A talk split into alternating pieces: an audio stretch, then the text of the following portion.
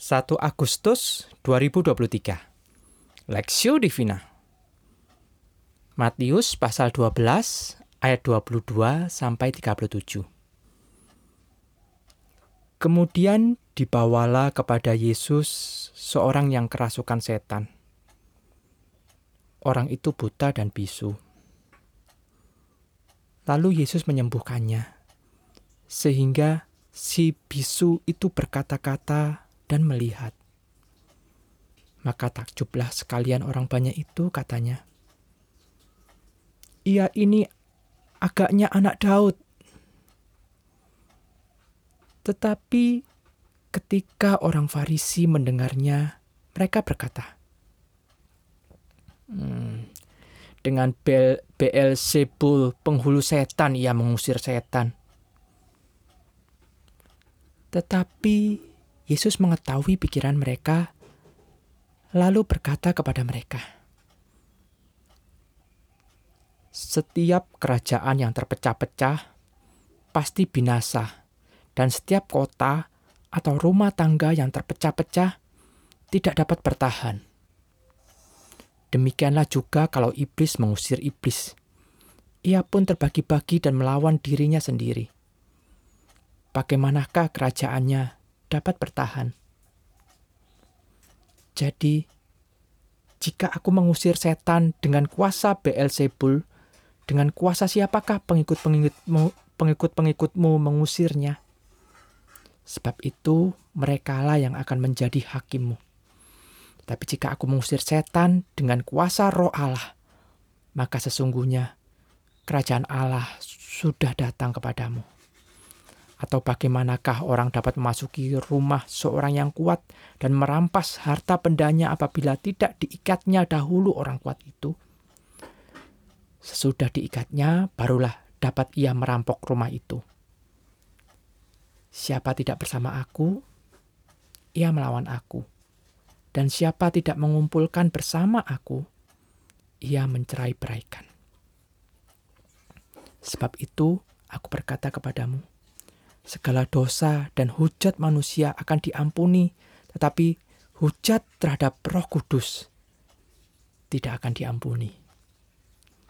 Apabila seseorang mengucapkan sesuatu menentang anak manusia, ia akan diampuni. Tetapi jika ia menentang Roh Kudus, ia tidak akan diampuni. Di dunia ini tidak, dan di dunia yang akan datang pun tidak. Jikalau suatu pohon kamu katakan baik, maka baik pula buahnya. Jikalau suatu pohon kamu katakan tidak baik, maka tidak baik pula buahnya. Sebab dari buahnya pohon itu dikenal. Hai kamu keturunan ular beludak, Bagaimanakah kamu dapat mengucapkan hal-hal yang baik, sedangkan kamu sendiri jahat? Karena yang diucapkan mulut meluap dari hati. Orang yang baik mengeluarkan hal-hal yang baik dari perpendaraannya. Yang baik dan orang yang jahat mengeluarkan hal-hal yang jahat dari perpendaraannya yang jahat. Tetapi aku berkata kepadamu, setiap kata sia-sia yang diucapkan orang harus dipertanggungjawabkannya pada hari penghakiman. Karena menurut ucapan ucapanmu, engkau akan dibenarkan.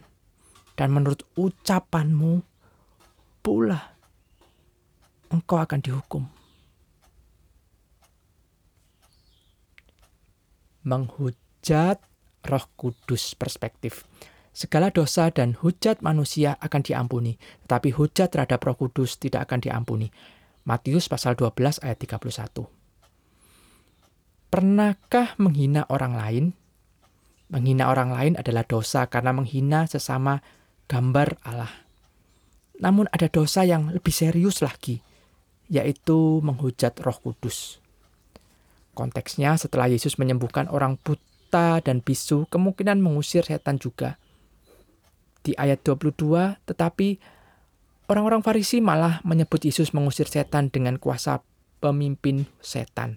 Ayat 24. Terhadap tuduhan mereka, Yesus menjawab pertama, mustahil setan dapat mengusir setan karena hal ini akan merusak pekerjaannya sendiri. Ayat 26. Kedua, orang Yahudi lain juga mempraktekkan pengusiran setan pada waktu itu. Maka orang-orang Farisi juga harus menuduh mereka mengusir setan dengan kuasa setan. Ayat 27. Dan ketiga, Yesus menjelaskan bahwa dia mengusir setan dengan kuasa roh kudus. Ayat 28. Oleh karena itu, Yesus berkata bahwa orang-orang Farisi sebenarnya sedang berdosa dan dosa mereka tidak dapat diampuni karena mereka telah menghujat Roh Kudus. Ayat 31 sampai 32. Dosa menghujat Roh Kudus berarti dengan sengaja dan terus-menerus seseorang menolak karya Roh Kudus dengan mengaitkan karyanya dengan iblis dan hal ini membuat si penghujat tidak mungkin diselamatkan. Yesaya pasal 63 ayat 10 dan uh, kisah pasal Rasul pasal 7 ayat 51. Dan dosanya tidak mungkin diampuni. Dosa menghujat roh kudus tidak dilakukan oleh orang-orang percaya karena mereka telah dilahir barukan roh kudus untuk percaya kepada Kristus. Dosa ini hanya dapat dilakukan oleh orang-orang yang tidak dipilih Allah yang sampai akhir hidupnya menolak karya Roh Kudus dengan cara menolak Kristus yang merupakan fokus karya Roh Kudus. Yohanes pasal 15 ayat 26. Apabila hari ini Anda merasa telah menghujat Roh Kudus, maka dapat dipastikan bahwa Anda tidak sungguh-sungguh menghujat Roh Kudus karena ketika Anda merasa telah menghujat Roh Kudus, Roh Kudus telah menyadarkan dosa Anda dan memimpin Anda kembali kepada Kristus.